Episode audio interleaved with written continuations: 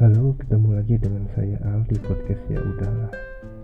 Ya namanya juga podcast ya udahlah. Ya udah gini aja. Zaman sekarang siapa sih yang nggak punya HP? Kayaknya semua orang udah punya deh. Entah itu smartphone atau bukan.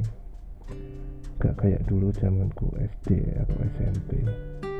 Telepon rumah aja jarang ada yang punya apalagi HP tapi pas SMP udah mulai banyak yang punya HP beberapa teman sekelas juga udah bawa HP ke sekolah.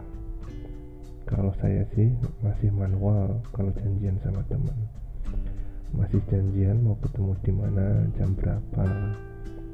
Ajaibnya zaman dulu gak ada yang ngaret. Paling telat 5 menit wajar lah ya.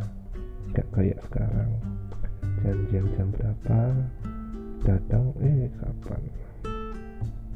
Nah dulu teman-temanku pamer-pameran nomor HP cantik. Kalian gitu juga nggak?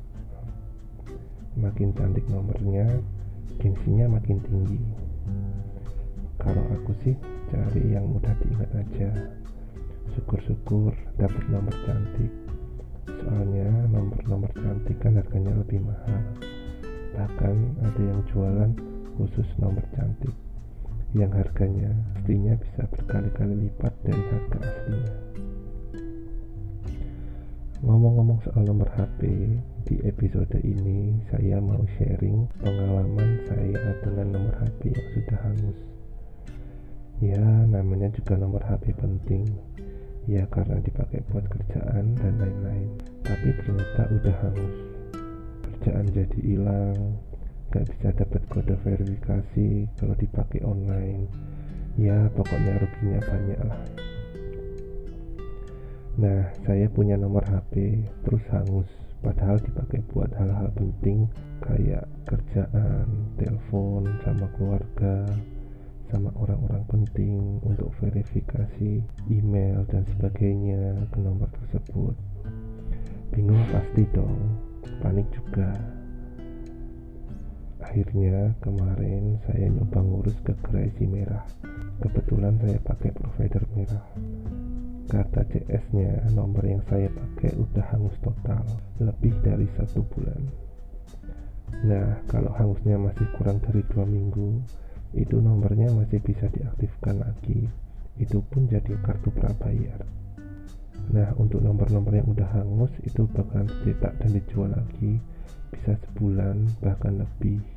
Karena untuk tiap-tiap nomor jangka waktunya berbeda-beda. Itu pun kalian nggak bisa booking nomor tersebut kalau dicetak lagi. Solusinya ya harus sering-sering ditelepon nomor kalian yang udah mati itu.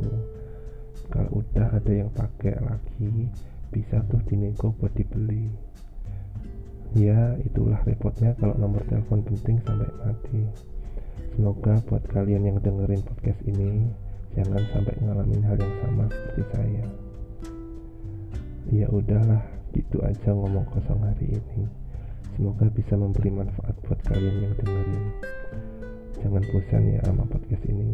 Jangan lupa juga follow instagram saya at al underscore my name silahkan komen di postingan atau DM saya kapan pertama kali kalian punya HP ya udahlah sampai jumpa lagi. Bye.